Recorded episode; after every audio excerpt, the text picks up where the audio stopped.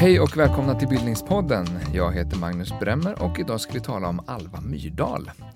Jag säger varmt välkommen hit till studion på Stockholms universitet till eh, Yvonne Hillman. Tack så mycket. Kan inte du börja med att säga något kort om dig själv? Jag är historiker, jag är genusforskare. Jag har varit med om att bilda Forum för kvinnliga forskare och kvinnoforskning på det här universitetet. Slutet på 70-talet, det som sen gav upphov till det här med genus och hela det eländet. Nej, jag tycker det är bra. Eh, jag skulle vilja kalla mig för en genushistoriker faktiskt. Mm. Mm. Och har forskat mycket om Alva Myrdal? Ja, överhuvudtaget om eh, det svenska 1900-talet. Det är väl min, mitt område. Mm. För, för lyssnaren som kanske aldrig hört talas om Alva Myrdal, vem var hon? Hon var 1900-talets främsta svenska kvinna inom socialpolitik, skulle man kunna säga. Även om hon eh, inte hade någon sån här mera formell plats på 30-talet så är hon ändå förknippad med framväxten av folkhemmet. Tillsammans med Gunnar Myrdal så skriver de Kris i befolkningsfrågan 1934. Och det är den som blir startskott kan man säga för den svenska socialpolitiken.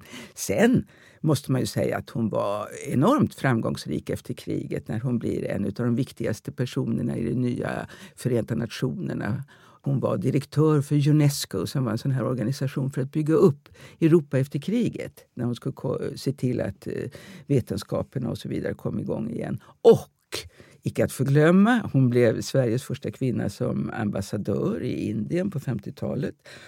Och sen kom hon in i regeringen rent av och sen blev hon nedrustningsförhandlare i Genève. Och sen, det är kanske det som folk mest vet, eh, blev hon eh, fredspristagare 1982. Eh, Mellan vilka levnadsår skedde allt lever, det här som hon gjorde? Hon föddes 1902 i Uppsala och hon dog bara ett par veckor innan mordet på Olof Palme, det vill säga 1986. Mm. Du, du skriver i din bok Det tänkande hjärtat, eh, boken om Alva Myrdal, om att hon just är en sån, eh, bilden av henne är så motsägelsefull på så många sätt. Mm. Kan du inte säga något mer om på vilket sätt den är det? Hon hade ju fått ikonstatus redan under, under 30-talet började hon att bli en sån här kvinna som man skriver brev till, ungefär som till drottningen eller Ingrid Bergman eller eh, något sånt där. Så det finns en samling brev till Alva Myrdal på Arbetarrörelsens arkiv där man eh, beundrar henne väldigt mycket. Hon hade talat i radion, hon talade om föräldrar, fostran, hon talade om barn. Det kan vi komma in på mm. mer också. Och sen efter kriget då med hela den internationella karriären som hon hade då med Sveriges röst utåt och Nobelpris och alltihopa så blev ju då bilden av henne var ju liksom ikonisk. Mm. Feminist också, det får vi absolut inte glömma.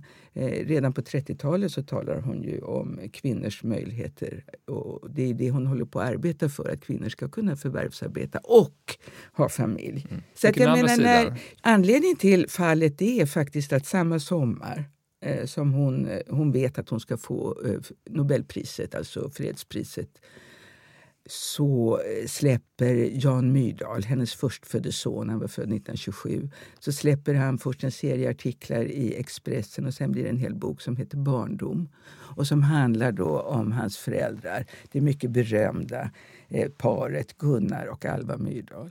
Och bilden av dem är ganska iskall. Mm. Och då blev det som att eh, det blev en slags störta ner henne från pedestalen. Det är som barnuppfostringstänkaren Ja, just det, den stora, före, exakt det, den stora föregångerskan när det gällde eh, att uppfostra barn. Titta här vad hennes barn säger och så vidare. Mm, så mm. det var verkligen en käftsmäll för henne kan jag tala om. Mm. Alva och Gunnar Myrdal, som ju var gifta, eh, är ju också väldigt eh, förknippade med just välfärds-Sverige. Så man brukar kalla dem för social, man talar om deras sociala ingenjörskonst. Mm. Kan du inte säga något mer bara om vad man lägger i det eh, uttrycket? Ja, Alva Myrdal har ju en fantastisk definition själv på det när hon skriver om hur hon och Gunnar Myrdal och de här andra progressiva, fascinerande människorna. Det kan vara allt ifrån arkitekter och andra politiker. Eh, så beskriver hon det så här. Det låter lite krångligt så ni får ju höra mm. upp nu. De, det är alltså hon, Myrdals och arkitekterna med flera. De måste nu ta steget från blotta registrerandet av fakta och analyserandet av kausalsammanhangen till uppställande av rationella planer för ändamålsenliga förändringar.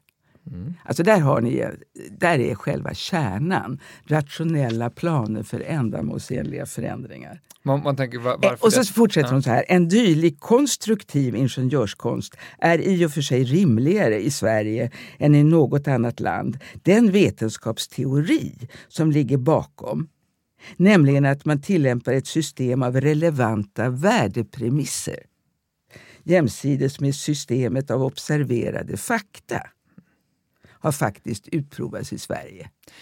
Ja, jag vet att det är krångligt, men alltså du hör vad det, vad det handlar om. Det handlar om att använda vetenskapen i politikens tjänst. Det handlar om att man bestämmer sig för vad man vill. Det är det som är Gunnar Myrdals eh, bidrag, verkligen. Värdepremissen. Det är det som han såg att det fanns även i nationalekonomi och så vidare. Han liksom plockar ut det ideologiska, det politiska ur vetenskapen. Eh, han tar fram det. Han säger att om vi vill det här, då ska vi samla ihop en massa fakta eh, de relevanta fakta och sen ska vi kunna presentera en lösning på det hela. Och det, det är, är social ingenjörskonst. Och, och, och, och ledet sociala är ganska viktigt också, just för att det, det är vad man vill på ett visst område. Det handlar om hur vi lever och hur vi bor. Det handlar precis. Det handlar om, som man har uttryckt sig på den här tiden också, också med, som är ett nationalekonomiskt begrepp, mm. humankapitalet. Mm. Vad, vad menar man då?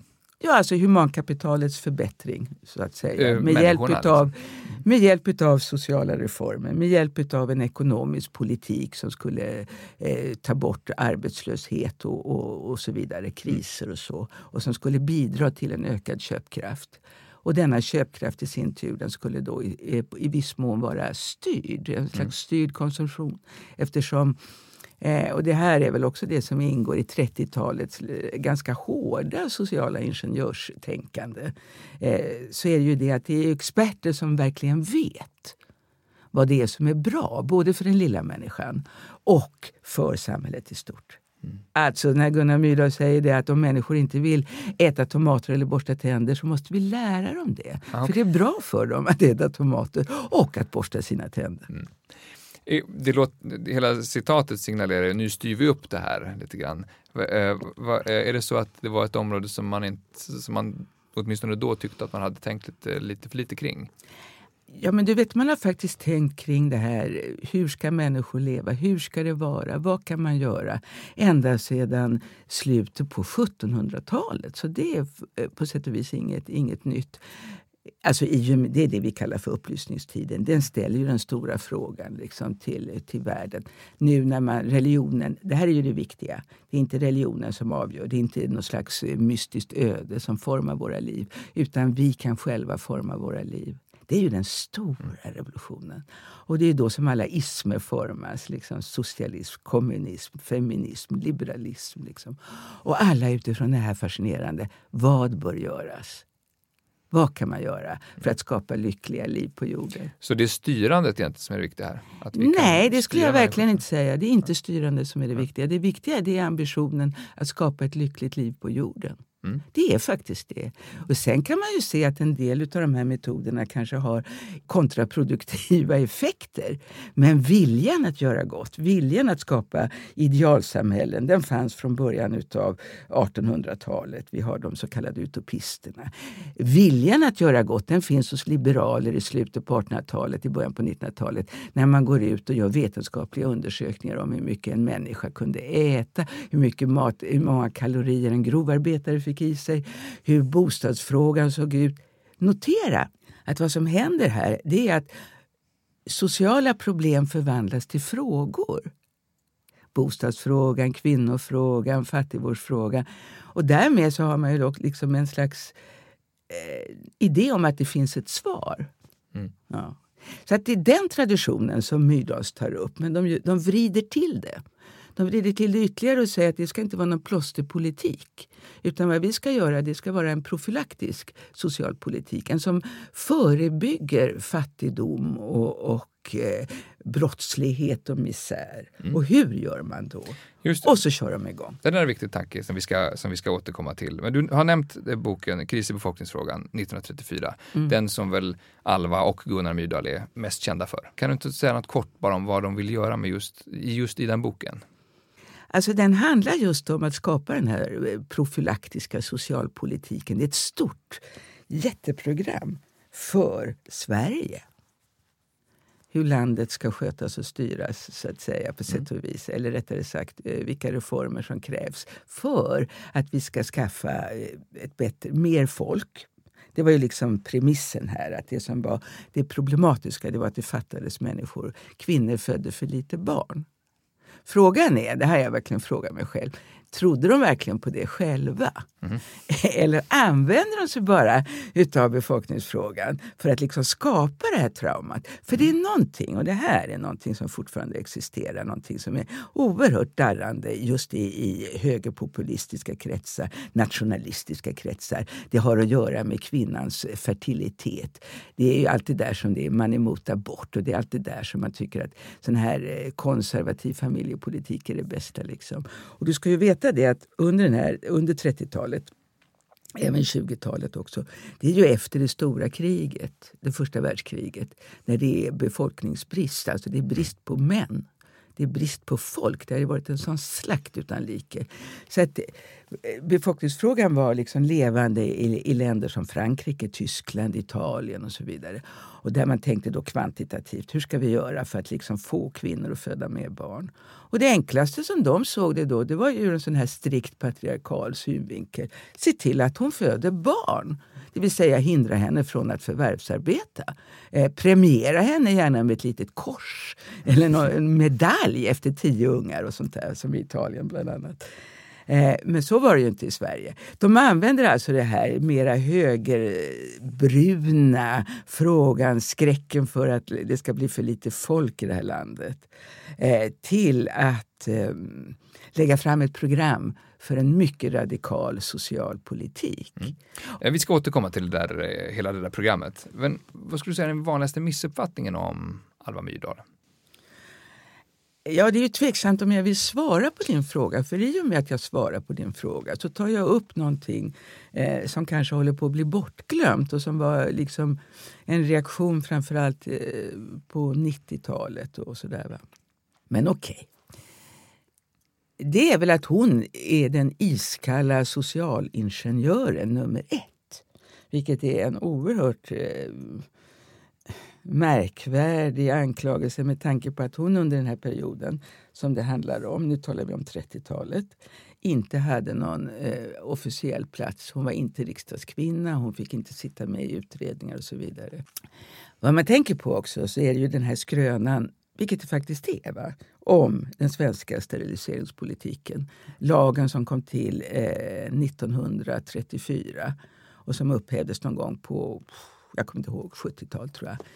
Eh, och som blev någon slags eh, anklagelse att Sverige hade tvångssteriliserat över 70 000 människor. Här kan jag rekommendera de som är klenmodiga att läsa Mattias Thydéns avhandling som just handlar om steriliseringspolitiken. Men här, här handlar det om Alva Myrdals roll just i den, i den men hon har blivit, tack vare slarvig historieskrivning och slafsig journalistik så är det som att Alva Myrdal har blivit kopplad till eh, steriliseringspolitiken på ett sätt som hon inte var. De har ju eh, eh kontroversiella åsikter om, om just steriliseringar de hade ja. inga som helst kontroversiella åsikter om sterilisering. De var med i uh, the mainstream när man tänkte kring det här på 30-talet. Ja just det, men vad, vad som idag... Nu kommer du in på att man använder sig av dagens moralsystem och normsystem och så lägger man det på en period när det här inte var så.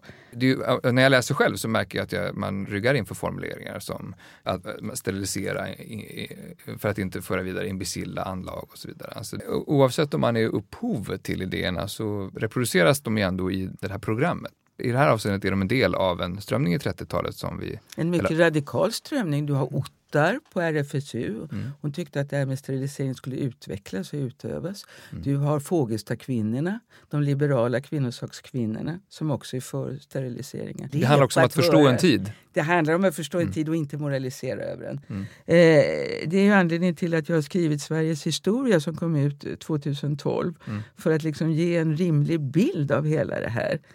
Men det hjälper inte för att har journalister bestämt sig för att nu hade vi ett brunt Sverige och steriliseringar och Rasbiologiskt institut och Alva Myrdal, hon är en av dem. Då är det liksom kört. Va?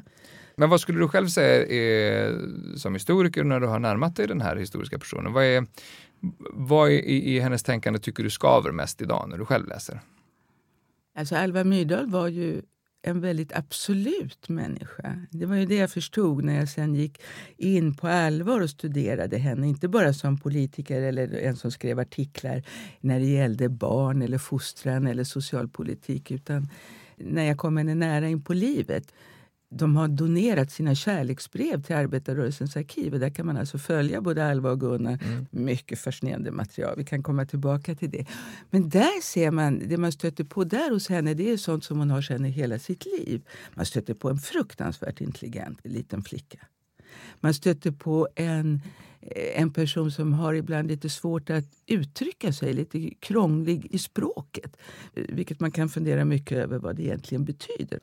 Och sen märker man också eh, en slags, eh, jag ska säga, ett abstrakt tänkande, ett mm. absolut tänkande. Som att när det sen kolliderar med verkligheten eh, så blev hon ganska olycklig. Mm. Hon hade liksom ett abstrakt tänkande när det gällde barn eh, när hon var ung flicka och Gunnars käresta där hon tänkte sig att hon skulle föda 12 barn. Fascinerande nog så hade hon skrivit upp det med datum också.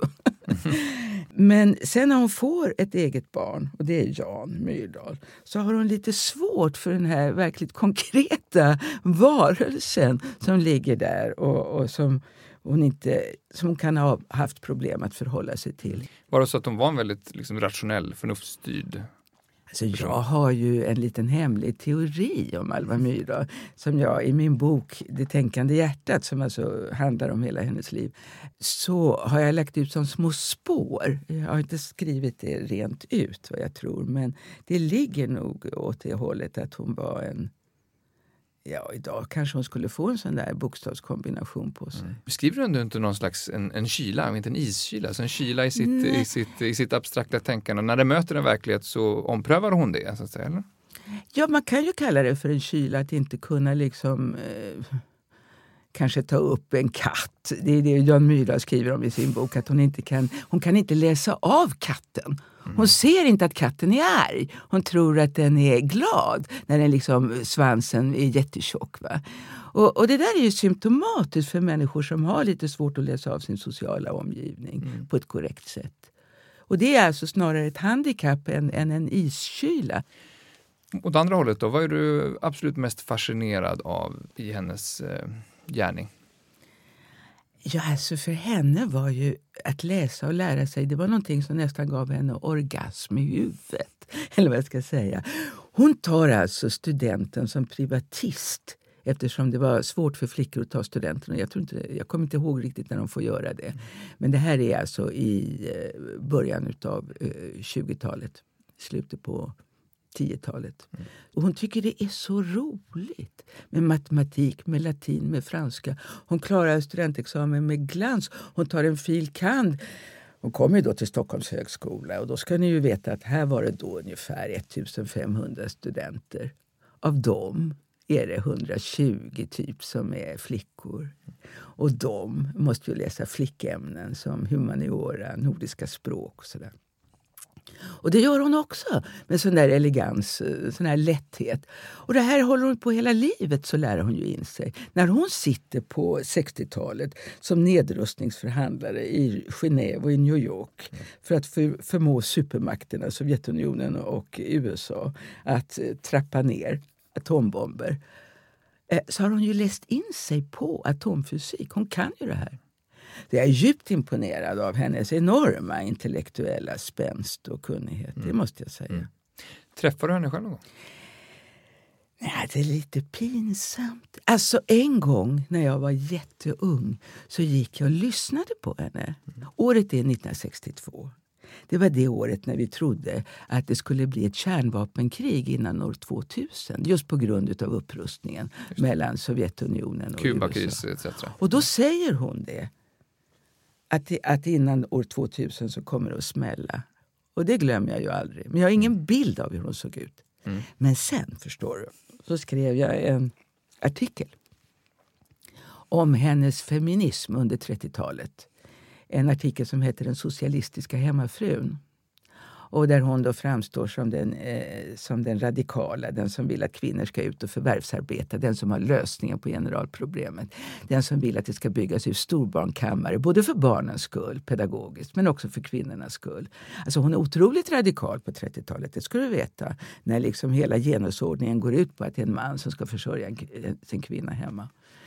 Så att där gjorde jag ju henne till en hjältinna. Det här är på 70-talet. Och då får jag ett litet brev från Alva Myrdal. De bodde på Västerlånggatan. Och där skriver hon att det här var ju väldigt trevligt och intressant och det skulle vara roligt att träffas. Och eh, hon har tid på fredagar mellan klockan 15 och 15 och 15. Okej. Ett litet fönster i Gamla stan. Jag vågade inte. Mm. Så att jag gick inte dit. Ja. Vilket jag ju ångrar. Eh, vi kanske ska säga något om hennes bakgrund. Liksom, var kom Alva Mm. Myrdal ifrån? Hon är alltså född 1902.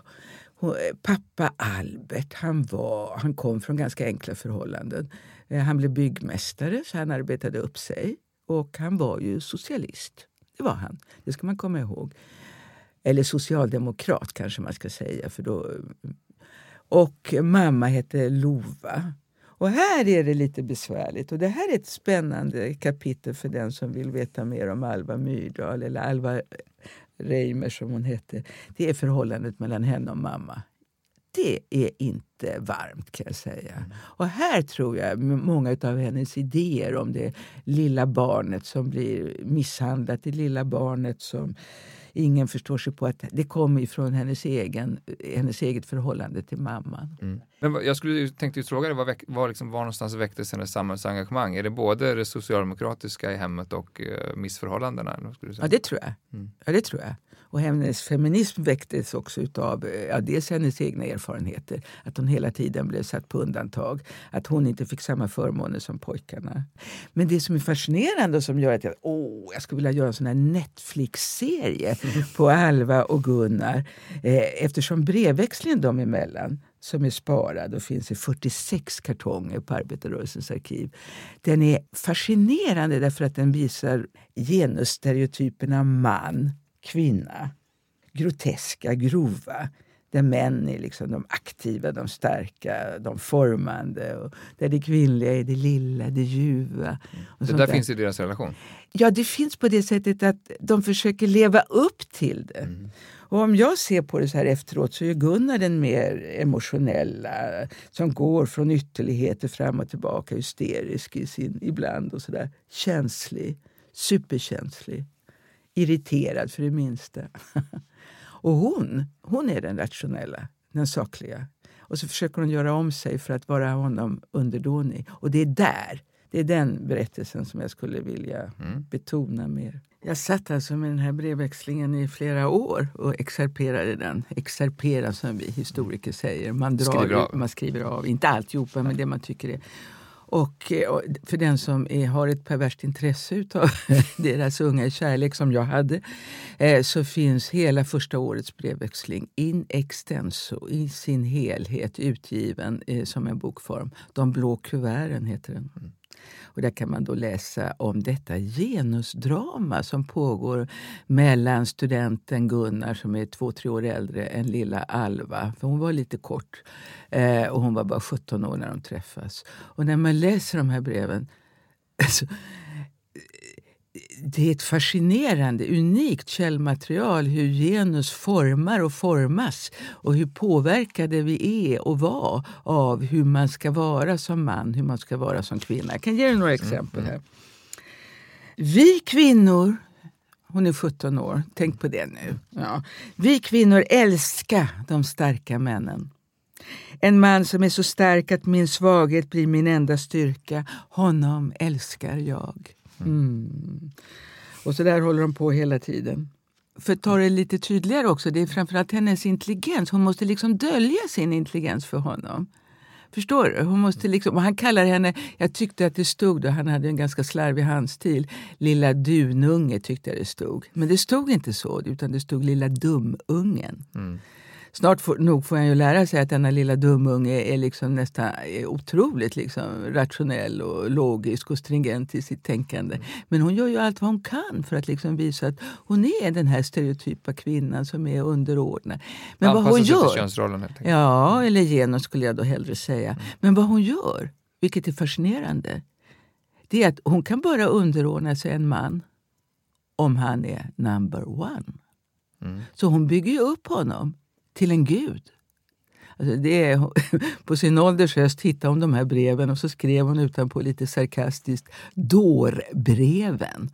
Mm. Och det kan man förstå när man läser igenom. För att, ja, så jag har skrivit just om det här dramat, hur hon liksom hamnar inom två burar. Där den första buren är samhällets konventioner som gör att hon inte kan ta studentexamen utan måste göra det som privatist, alltså få betala för det. Och eh, förväntningarna där i samhället att hon bara då ska gifta sig och bli försörjd och skaffa barn. Det är den ena buren, den stora buren. Mm. Och sen den inre buren där hon, som hon bygger in sig själv i. Och som jag kan känna igen från mina egna strategier i min ungdom. Det är att hon, att hon, hon binder sig ännu hårdare fast vid det här, den här mannen, det här ödet. Hon kan inte erkänna för sig själv liksom, att mm. hon vill ut. Så att var... utifrån den här positionen, att bli det som hon blev jag menar, till den här positionen, det är remarkabelt. Mm. Alltså den flickan, Gunnar Myrdal ville inte att hon skulle bära en vit studentmössa. Han mm. tyckte att det var ett manligt attribut som flickorna inte skulle stjäla ifrån dem. Det skulle vanhelga studentmössan. Vad skulle där. de ha för färger? Jag skulle inte ha någon mössa alls.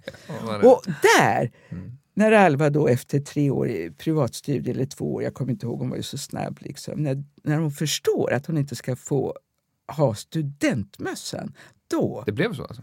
Nej. Nej. Det blev alltid som hon ville, fast hon alltid var liksom den underordnade, manipulerande kan man säga. Men det måste man ju vara om man ska ta sig ur en sån här genusposition. Mm. Var träffades de? De träffades sommaren 1919 utanför Eskilstuna i Slagsta där Alva Myrdal, eller Alva Reimer som hon hette då, bodde. Då var de tonåringar?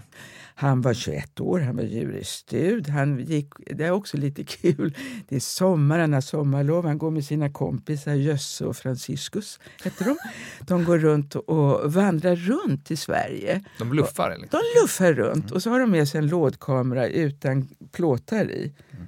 Och då får de alltid bo på någon skulle eller ja, få middag. Och sådär. Ger sig ut för att vara fotografer? Ja, lite grann. Och underhåller folk. Och dessutom så hade Gunnar Myrdal en revolver med sig. Ja, det är mycket mm. konstigt. Hur som helst så luffar de då och så får de kaffe på morgonen där i Slagsta utav Alva Myrdal. Och de blir jättekära på en gång. Mm. Så det är också fascinerande. Sån här, verkligen pang på. Och hon följer med dem sen? Ja, visst är det märkligt. De träffas alltså den här dagen i Slagsta, sen ses de på eftermiddagen. Hon hade jobb som eh, kontorist hos en revisor i Eskilstuna. Och så bjuder de på bakelser och hon äter sex stycken, vilket jag tycker är märkligt. Väldigt nervös. sen får hon ett brev där de frågar om inte hon kan komma och, och följa med på vandringen. Och utan mm. någon konstig anledning så får hon göra det. Det är alltså 1919. Mm.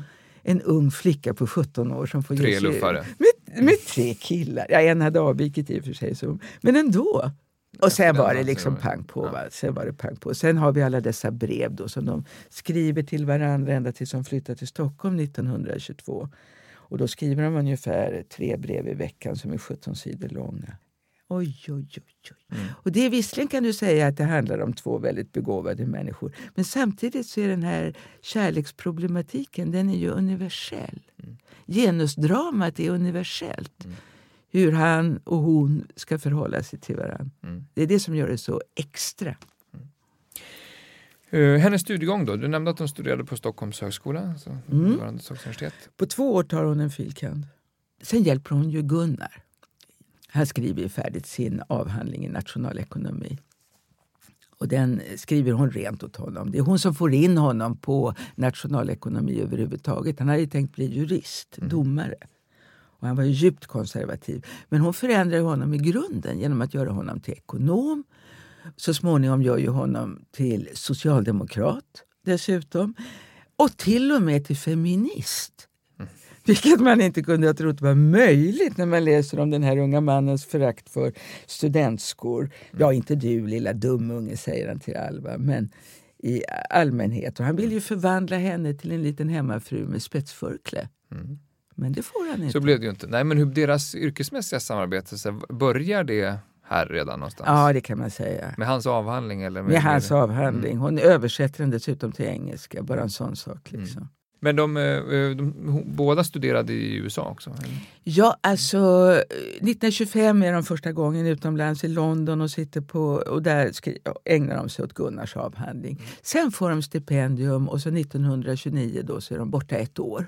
Mm. Och det är ju det här då som också har gett Alva Myrdal, och inte Gunnar, dåligt rykte som mor. Att hon lämnar ett tvåårigt barn ett helt år. Ja, för att åka ut. Ja, mm för att, för att åka ut och, och, och studera. Mm. Men då ska man komma ihåg att det här var något som var väldigt vanligt i borgerliga och ännu högre adliga kretsar. Att man lämnade sina ungar. Alltså det var väldigt vanligt. För lång tid. Åkte på semester och lämnade in dem på barnpensionat. Ja, det var ju också områden de uppenbarligen tänkte på själva senare. Men hur, om man skulle säga väg, vägen, den yrkesmässiga vägen framåt kris i befolkningsfrågan 1934. Hur liksom ser den ut? Ja, där går ju Gunnar då och blir eh, ekonom och blir så småningom professor i nationalekonomi, efterträder Gunnar Kassel. Liksom. Och han studerar nationalekonomi på ett sätt som man skulle önska att nationalekonomer gjorde nu. det vill säga att han ser var i det icke-vetenskapliga ligger. De här premisserna som man utgår ifrån. Det är de som man liksom dissekerar och säger att det här är ju värdepremisser. Det här är ju inte objektivt. Nu ska vi göra det rent. Nu ska vi hålla ordning här. Vad är det vi vill? Ja, men då kanske vi kan sätta igång och tala om vad man bör göra så. Och just det här året i, i USA där de då träffade en massa forskare och så vidare. Chicagoskolan var ju berömd vid den här tiden för sina sociologer där de hade gjort såna här stora undersökningar av vad som hade hänt med en stad, till exempel mm. Middletown och A Child in America och så vidare så blir de ju väldigt eh, liksom, inspirerade. Ja. ja. det blir mm. de. Är det givet att eh, det första de skriver tillsammans är den här boken? Ja, det är det. Mm. De hade börjat redan i Amerika liksom att böja sig inåt. Liksom, där Gunnar blir mer och mer intresserad av sociologi. Och hon hänger ju med naturligtvis i hans ekonomiska tänkande och så vidare. Och hon studerar barnpsykologi och socialpsykologi som liksom är mm. stort i USA. Så det är givet från början att det är en bok de ska skriva tillsammans? Ja, det börjar som två artiklar som de försökte få publicerade redan 1932. Men de ansågs för långa. Och sen så på sommaren 34 så sitter de tillsammans och skriver ihop den här boken. Mm. Om vi ska ta lite andra liksom, eh, bredare bakgrunder till mm. liksom, varför det här kommer just nu och förutsättningarna för det. Den, eh, 1932 så får Sverige en socialdemokratisk regering som är också väldigt förknippad med folkhemmet Välfärdssverige. Ja, Säg säga. någonting om, om den. Ja, det har ju blivit så här mytiskt efteråt att 1932 det är då det börjar och sen ramlar det på ända till 76 innan vi får en borgerlig regering och sånt där. Det här var ju ingenting som de här pojkarna kan jag se nu. Liksom. Det är ju relativt unga män. Då. Per Albin Hansson som blir statsminister. Gustav Möller som blir socialminister. Ernst Wigfors, Blekingen som, är, som ska bli finansminister. Det var ju ingenting som de visste då, 1932, när de vinner valet med en knapp eh, majoritet. Liksom. Ja, de här tre, de, de... Det är de tre man ska veta om svensk 1900-talshistoria, eh, att de är väldigt viktiga. Det är de. Mm. Och det som är det fascinerande det är ju att de har fått en slags potent politisk inriktning och det är det som gör att de vinner valet också. De hade suttit, socialdemokratin, i regeringen på 20-talet. Men då hade de inte haft någon egen politik när det gällde ekonomisk politik. Utan de hade tänkt att det, när det gällde arbetslöshet så gällde det att hålla emot och betala ut så lite som möjligt så att inte de arbetslösa konkurrerade med de som hade riktiga arbeten. Och de här, spara, att spara sig och försaka sig ut ur ekonomiska kriser. Och du ska veta att 20-talet var fullt av ekonomiska kriser även om det stadigt gick uppåt också för landet rent industriellt och så. Så att 1932 går de till val på eh, eh, en politik som handlar om att man ska arbeta sig ut ur krisen och man ska arbeta eh, man ska få köpkraft. Och köpkraft, alltså det blir som en, en slags keynesiansk politik brukar man säga, nästan före Keynes. Och det är Ernst Wigforss. Det betyder alltså att man ska se till att köpkraften ökar. Få igång produktionen liksom, mm. så att det hela rullar på. Det finns en sån här, det tycker jag är lite kul, fascinerande valaffisch för valet 1932. Eh, där man ser då en sån här skorsten där det bolmar den tjockaste och äckligaste rök du kan tänka dig. Och för dem, då på 30-talet, så var ju det här en signal för välstånd att nu fungerar det, nu har det börjat jobbas i fabriken igen. Mm. För oss är det ju bara katastrof miljömässigt. Liksom, ja, ja. Mm. Hur, hur kommer uh, Alva Gunnar Myrdals socialpolitik in i, i det här politiska landskapet? Då? Gunnar Myrdal hade skrivit en artikel i en tidskrift som heter Spektrum som kom ut 1932 där han talar om det han kallar för den profylaktiska socialpolitiken. Mm. Och då tar han som ett exempel huset, bostadsbyggandet. Mm. Vad är det som hindrar att det byggs bra bostäder? Jo, det är ju byggherrarnas kapital, vinstintresse. Socialisera hela rasket liksom. Mm. Så. Det är verkligen en helhetsbild. De... Ja, verkligen. Radikalt. Mm. Men det lyckades inte med bostadspolitiken, att få den här samlade svenska politiker att acceptera det här. Men däremot, vet du, när de kommer ut med sin bok då, 34 om eh, kris i befolkningsfrågan, då har de hittat bingo. liksom. Jajamensan. Det här. Och det tills... för, eh, bingo i bemärkelsen att, att man får brett stöd? för? Man får brett stöd och det, redan på våren 1935 så tillsätts ju någonting som heter befolkningskommissionen. Mm. Kan du inte dra några av, av liksom de, de viktigaste förslagen i boken och, och så kan vi gå igenom hur många av de här som realiserades? Ja, det kan vi göra. Nu ska vi se. Bostadssubvention för barnrika familjer. Allmän och kostnadsfri hälsovård för alla barn. Fri skollunch för alla barn. Prisrabatter på viktiga födoämnen. Det här är väldigt mycket 30-tal. Inga kostnader för skolgång, fria skolböcker, fri skolskjuts etc. Fria offentliga barnkammarskolor, barnkrubbor, kindergarten, eftermiddagshem, arbetsstugor, sommarkolonier av hög kvalitet utbildningsstipendier för ungdom med begåvning.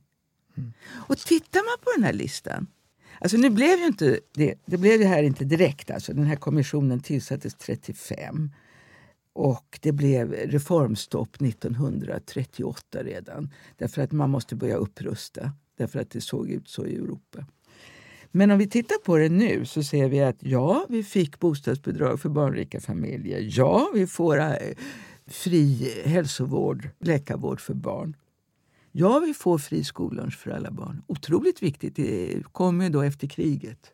47 vill jag minnas. Det här med prisrabatter det var då väldigt tidsbundet. Men däremot inga kostnader för skolgången. Fria skolböcker och sådär. Mm. Mm. Och den här radikala punkten då för barnens fostran och för kvinnans frigörelse, nämligen daghemmet som kallades för storbarnkammare, som kallades för, för, för barnkammarskolor och så vidare. Det får vi också, men det får vi ju först. Först började byggas ut på 70-talet. Mm. När man pratar om eh, folkhem och det svenska välfärdssystemet ändå, i hur hög grad är det det här man pratar om, de här reformerna? Men det här är väl bland de viktigaste överhuvudtaget. Alltså vad man ville ha var ju generella reformer för folk. När det mm. gällde bostäder, när det gällde mat. Du ska ju veta att Sverige på 30-talet det var minsann inte något skinande funkisparadis för de flesta. Utan det var ju fortfarande mm. ganska ruffigt alltså. Med dass på gården och jag menar så. Mm. Och du, du pra, har pratat om uh, idén om kollektivhus. Uh, ja, det var ju dröm. Kan du inte säga något mer om vad, vad för det är en, en 30-talsdröm? Det är en 30-talsdröm och det är en dröm som, kom, eh, som Alva Myrdal snappade upp. Hon låg, när hon kom tillbaka då från USA så for de sen till Genève där, där Gunnar hade fått en tjänst. Och så råkade hon ut för ett av sina otaliga missfall, stackarn.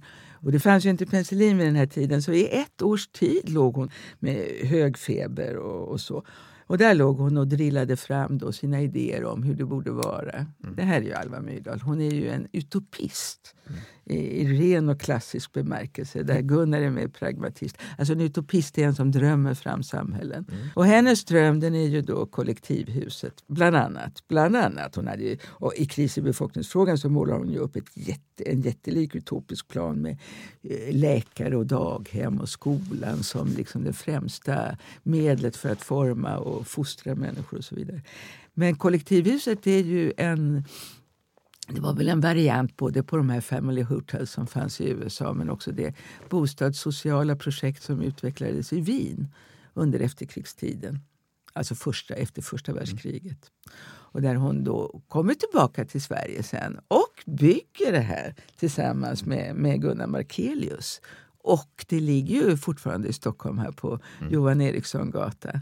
Men tanken, är att hus där fler familjer ska bo, det ska finnas en uh, kindergarten, då, då, förskola och... Uh, Storbarnkammare ska det finnas och det ska finnas ett tvättnedkast så man kan kasta ner sina smutsiga kläder. Det ska finnas en restaurang. Alltså det där lilla livet, det här ked... För henne, hon avskydde hushållsarbete. Det var det värsta hon visste. Hon hamnade i depression när hon var så illa tvungen att bli på riktigt hemmafru där, när Jan var född och så. Mm. Eh, så att allt det skulle så att säga rationaliseras bort i storkök och så vidare. Man skulle kunna trycka på en knapp så fick man upp maten genom, från restaurangen på en mm. bricka och såna där grejer. Och det Men... intressanta tycker jag med alla de här utopiska idéerna det är ju att det är fortfarande någon som ska stå någonstans och ta hand om tvätten och ta hand om maten och ta hand om barnen. Det är lite upstairs, downstairs. Det är lite upstairs, down, ja. Men så det i, i, i hela den här tanken på, det, du talar om fostran och man ska skapa goda förutsättningar till ett gott liv för många människor. vad, vad är det fostrande momentet här i krisbefolkningsfrågan? Alltså hon har ju varit där i USA och sett då de här föräldrafostran var ju en grej, parental education som hon tog med sig hem till Sverige. Men det gick ju ut på uh, att man ska bort från sån här lyd, lydnadskultur till en slags frigörelse uppfostran. Men det är klart, det var ju samtidigt en frihet under uh, vissa former. Det var inte det här, det här du vet att barn ska få göra allt vad de vill och slå spika i pianot och såna där grejer mm. som fanns ju också vid den här tiden. Det var hon helt emot. Utan mm. Det skulle vara fostran till frihet men under, för det sociala så att säga. Mm. Så att man blev en bra samhällsmänniska. Och det här skulle ske, alltså drömmen för henne det var ju att det skulle tas om hand utav det allmänna redan från början. Mm. Alltså på 30-talet tänker hon sig även bebisar ska kunna liksom från början, eventuellt hela dygnet runt. Det är lite oklart mm. där, men man kan få den föreställningen om att man skulle kunna lämna in sina barn. Och där skulle det finnas utbildade sköterskor och, och läkare och så vidare. Och det är läkaren, nota bene, som har det högsta ansvaret för vad man ska göra om barnet bråkar eller är kinkigt och sådär. Då ska man ha en liten rådgörande grupp med föräldern, med skötaren och läkaren. Mm. Och det är läkarens ord som avgör. Liksom. Och många av de här tankarna utvecklar de väl året efter i en annan bok, Stadsbarn? Ja, just det. Mm. Säg något mer om den. Ja, det är storbarnkammaren, hur den ska vara formad. Liksom. Och där hon är väldigt konkret. Mm. Det är det hon är. Hur man, även om man inte har så mycket utrymme hemma, ska kunna ordna med en lekhörna till barn. och sådär. Hon hade alltid varit väldigt hon är både abstrakt och konkret på ett väldigt fascinerande sätt. Liksom. Mm. Hon tänkte sig sina egna tolv barn, hur hon skulle sy overaller till dem och hur hon skulle prata engelska med dem så att mm. de fick in språket från början. Och nu har hon till och med ritningar på hur man, vilka eh, leksaker som är bra och så vidare. Men det är ganska mycket idéer alltså, i den säga, moderna förskolan ja, som kommer från Alva Myrdal. Absolut. Mm. Hon startade då det socialpedagogiska seminariet. Hon startade alltså sitt eget, sin, e-, sitt eget institut för att utbilda förskollärare och bli rektor för det. Mm. De flyttade till USA 1938. Ja. Var, var, varför? De flyttar därför att Gunnar har fått ett erbjudande som han inte kan motstå. Det fast han då ändå var ordförande för befolkningskommissionen. Men han skulle alltså få det fantastiska erbjudandet att studera rasproblematiken i USA. Och det gör han. Och det är en fantastisk bok. Den fick internationell uppmärksamhet. An American Dilemma. Mm. Men den översattes aldrig till svenska. Mm. Den är fantastisk därför att han använder sig av socialpsykologi och han ser liksom, han förvandlar, han tar problemet med, med eh, de färgade situation och tar bort det från dem och ge, gör det till ett problem för the white man. Det amerikanska, the American creed, alltså mm. föreställningen om allas lika värde skapar ett dilemma för de vita om de fortsätter att förtrycka och underordna de svarta. Så han talar till den amerikanska patriotismen någonstans? Ja, det gör han. Att, uh, mm. Och det är genialt. Mm. Och det fascinerande är att uh, man ser ju att det handlar om över och underordning. Och han går in också på den överordnades uh, psykologi. Hur kan man förtrycka människor? Hur kan man rättfärdiga det för sig själv? Simone de Beauvoir hon läste den här boken och, tänkte, och skriver till sin stora kärlek som hon hade då, Ahlgren, författaren, på sin pidgin-engelska. Oh, I'm going to write a book about women as beautiful as Myrdal has written about the negroes. Mm, som blev det andra könet? Japp. Yep. Och där har, hon har tagit och knyckt alla hans iakttagelser. Mm. Eh, Alva Myrdal publicerar också en bok i USA som heter Nation and Family. Mm. Eh, var, det här var i stort sett den eh, liksom, internationella versionen av vad hon redan hade skrivit på svenska. Eller? Ja, det är också en berättelse om vad eh, befolkningspolitiken hade åstadkommit. Mm. Ja, och det är där hon skriver just om det här med den sociala ingenjörskonsten har utprövats redan i mm. Sverige. Mm. 1941 kom den. Mm. Och det här vet du lägger grunden för hennes internationella, mm, att hon blir internationellt känd. Som kommer sen att utvecklas till att hon får jobb inom FN och så vidare. Ja, kris i befolkningsfrågan, fick den också ett internationellt eh, genomslag? Nej, det kan den inte ha fått. Inte på det sättet. Fast jag tror, jag vet inte, men jag tror att man eh, när det gäller Norge, Danmark och Finland mm, mm. Så, så slog det igenom väldigt starkt. Mm. Det gjorde det. Eh, hur länge bodde de i USA? De kommer dit 38. 39 mm. bryter kriget ut som du vet eh, Sovjets överfall på Finland då i december 39 skakar Alva oerhört. Hon har jätteproblem i USA för övrigt. Det är Gunnar som är nummer ett liksom, och hon är Mrs Gunnar Myrdal. Mm. Så att, eh, men hon åker runt och, och talar om svensk befolkningspolitik. Men sen på våren 1940 så får de en känsla av att nej, nej, vi måste åka hem. Mm. Vi måste hjälpa Sverige. Tänk om det blir krig. Och Det visar lite grann på deras storvulna förståelse av sig själva i förhållande till det här landet. så att mm. säga. Vi måste vara där. Och efter mycket om och men och med hela familjen och vägen ja, med båt och elände från Petsamo ner till Stockholm så kommer de hit igen mm. på eh, sommaren 1940. Och du vet, det var liksom ingen som ville ha dem. Mm. så att Gunnar han åker tillbaka till Amerika igen efter ett tag eh, och för att skriva klart eh, En American Dilemma. Och 41 kommer Alva efter honom. Så. Tillbaka? Igen. Tillbaka, mm. tillbaka till USA och sen är de här igen. Men tog, tog de ställning mot Nazityskland? Ja, oh ja. Mm. Oh ja. Väldigt starkt. Efter kriget sedan så blev Alva Myrdal verksam inom FN som du nämnde här tidigare. Hur, yeah. hur, hur, eh, hur, kom det sig att hon hamnade där? Ja, det är lite fascinerande. Mm. Det är lite fascinerande. Jag är fascinerad av eh, FN överhuvudtaget. Det skapas ju då eh, precis eh, när freden kommer i Europa. Så sitter man i San Francisco och bygger upp det här. Det ska aldrig mer få hända. Aldrig mer få hända. Eh, och det är ju en uppbyggnad där kvinnor inte är särskilt närvarande överhuvudtaget. Det där skulle jag vilja veta mer om. Så att, men hon, blir, hon är med när Unesco har ett möte i Paris, det är november 1946, liksom, så sitter hon med där och lyssnar Eh, fascinerande i sig tycker jag, man försöker bygga upp en ny värld efter kriget mm. som var så förfärligt och förödande. Och där blir hon väl uppmärksammad och de vill ha henne som, inom Unesco som alltså då är Förenta Nationernas återuppbyggnadsprogram när det gällde vetenskap och kultur i Europa. Va? Men då kan hon inte lämna Gunnar än. Men 49 tillträder hon sitt eh, jobb för FN. Just det, vad har hon för funktion då? Hon blir chef för FNs sociala avdelning i New York. Så hon får liksom basa över en hel eh, enhet som har med socialpolitik att göra eller sociala frågor mm. i det här nybildade FN. Men så det, det fullföljer den här linjen, som, så säga, den karriären som hon redan har byggt då, kan man säga? Ja, internationellt är det. För sen, uh, senare blir hon Sveriges ambassadör i Indien också. Mm. Hur, hur hamnade hon där? Ja, det kan man verkligen fråga sig.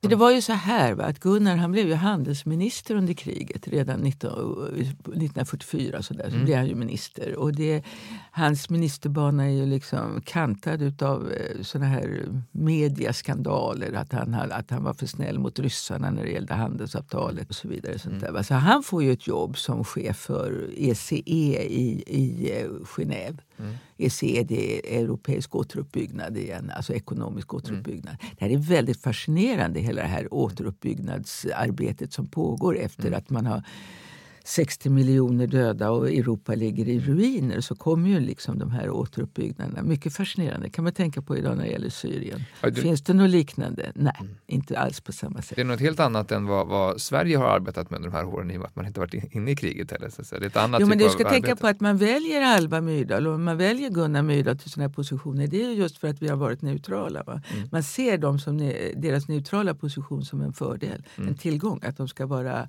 de ska inte vara biased. Liksom. De mm. ska inte vara plågade av sina krigsminnen som ockupanter och så vidare. Så. Och när, när kommer du i kontakt med den svenska politiken igen sen? För du... Ja det gör hon ju när hon kommer tillbaka från Indien efter att ha varit eh, ambassadör där i New Delhi och byggt ett nytt eh, ambassadörshus där hon verkligen tänkte noga på små detaljer, så typiskt Alva Myrdal. En särskild eh, uppställning där de indiska kvinnorna kunde lägga ifrån sig sina sjalar. Ja, vad vet mm. jag. Och där hon var väldigt förtjust i Gandhi. Mm. Det var den vita mannen i hennes liv, skriver hon lite mm. jäckande. Liksom. Man undrar, no.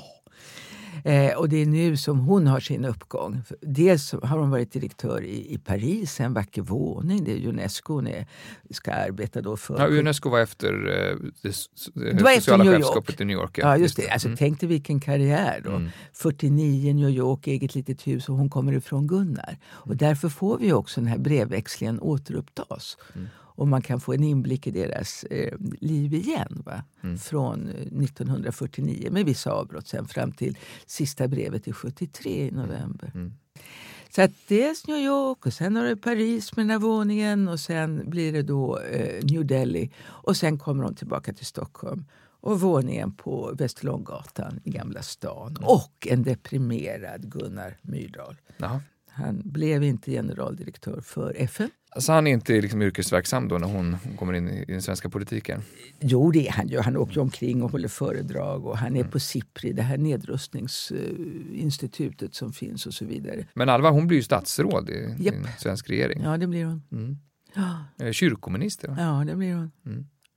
Och dessutom nu, alltså när hon har kommit in i politiken så blir hon ansvarig för eh, jämlikhetsfrågorna. Alltså, mm. Man hade en extra jämlikhetskonferens 1967. Mm.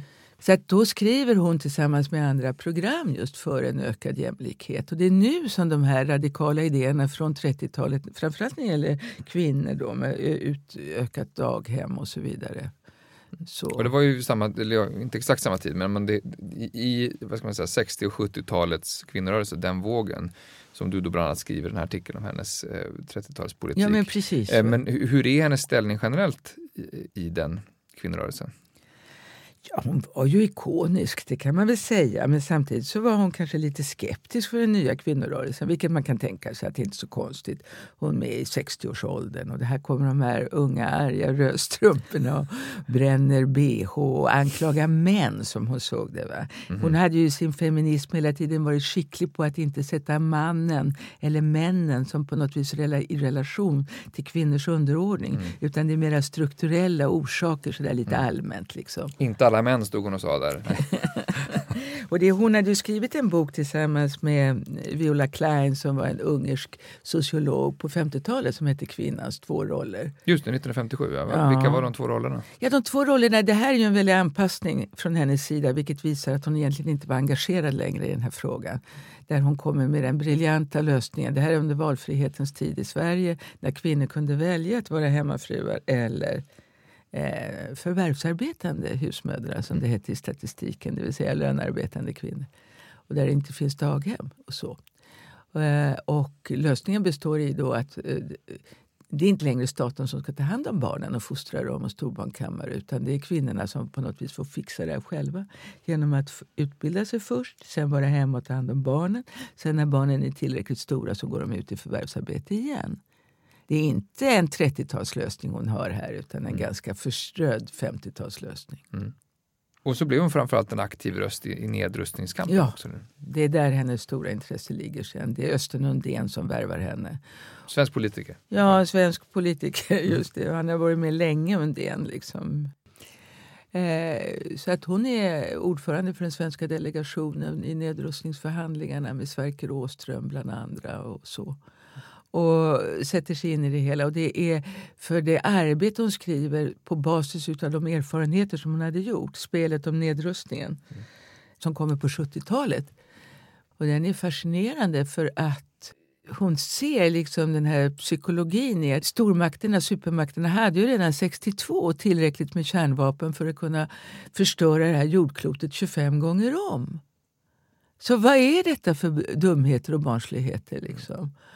Och det är här som hennes tankar om förnuftet och kommer in. Och där hon då försöker förstå liksom, att hur, hur kan man göra något så korkat? Mm. hon använder inte det ordet, men så, någonting så icke-förnuftigt, så icke-rationellt. Liksom. Och det här är något hon får internationellt gehör för? Ja, gehör får hon naturligtvis, men inte nedrösta dem för det. Nej. Den saken Nej, det är uppenbart. Men, men, mm. men det fick hon. När du ser på vår samtid eh, idag, var, någonstans ser du Alva Myrdals arv framförallt?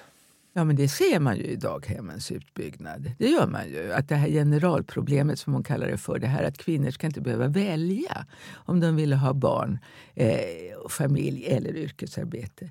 Det är ju kanske svårt för, att förstå, tror jag, för, för unga kvinnor idag, att det faktiskt var ett val. Vad saknar du Alva Myrdal idag? En, en, en, en röst jag saknar, hennes? Jag, sak, jo, jag saknar henne väldigt mycket. Jag saknar hennes sakliga metod och hennes klara, orädda blick för att säga det som är obekvämt. Hon skulle inte stå ut i det här klimatet där man hela tiden måste linda in saker och ting och vara rädd för att trampa någon på tårna och, och så vidare. Hennes intellekt eh, skulle, och hennes eh, radikala lösningar som ofta är lite paradoxala. Det här till exempel med hur ska vi få svenska kvinnor att föda fler barn under 30-talet? Jo, det ska vi göra genom att ge dem tillgång till förvärvsarbete. Det var alltså helt motsatt den här tyska, italienska eller, eh, befolkningspolitiken som gick ut på att hindra kvinnor. Mm. Så att, eh, hon skulle kanske komma på någon eh, paradoxal lösning på eh, de stora sociala problem som vi har idag. Liksom. Den här so eh, profylaktiska socialpolitiken skulle onekligen behövas när det gäller de här parallellsamhällena som är på väg att växa upp eller de här utsatta områdena. Hon skulle avsky den här segregeringen som sker. Så det, nog skulle vi behöva rent av en Gunnar också, ett par som skulle kunna så. Om de skulle tolereras i det här landet nu, det vete katt. Stort tack Yvonne Hirdman för att du ville vara med. Ja, varsågod. Och tack alla ni som har lyssnat. Vi är snart tillbaka. Hej. Du har lyssnat på Bildningspodden, en del av bildningsmagasinet Anekdot. Podden spelas in på Språkstudion och ljudproducent är Kristin Eriksdotter Nordgren. Fler poddar, filmer och essäer hittar du på anekdot.se.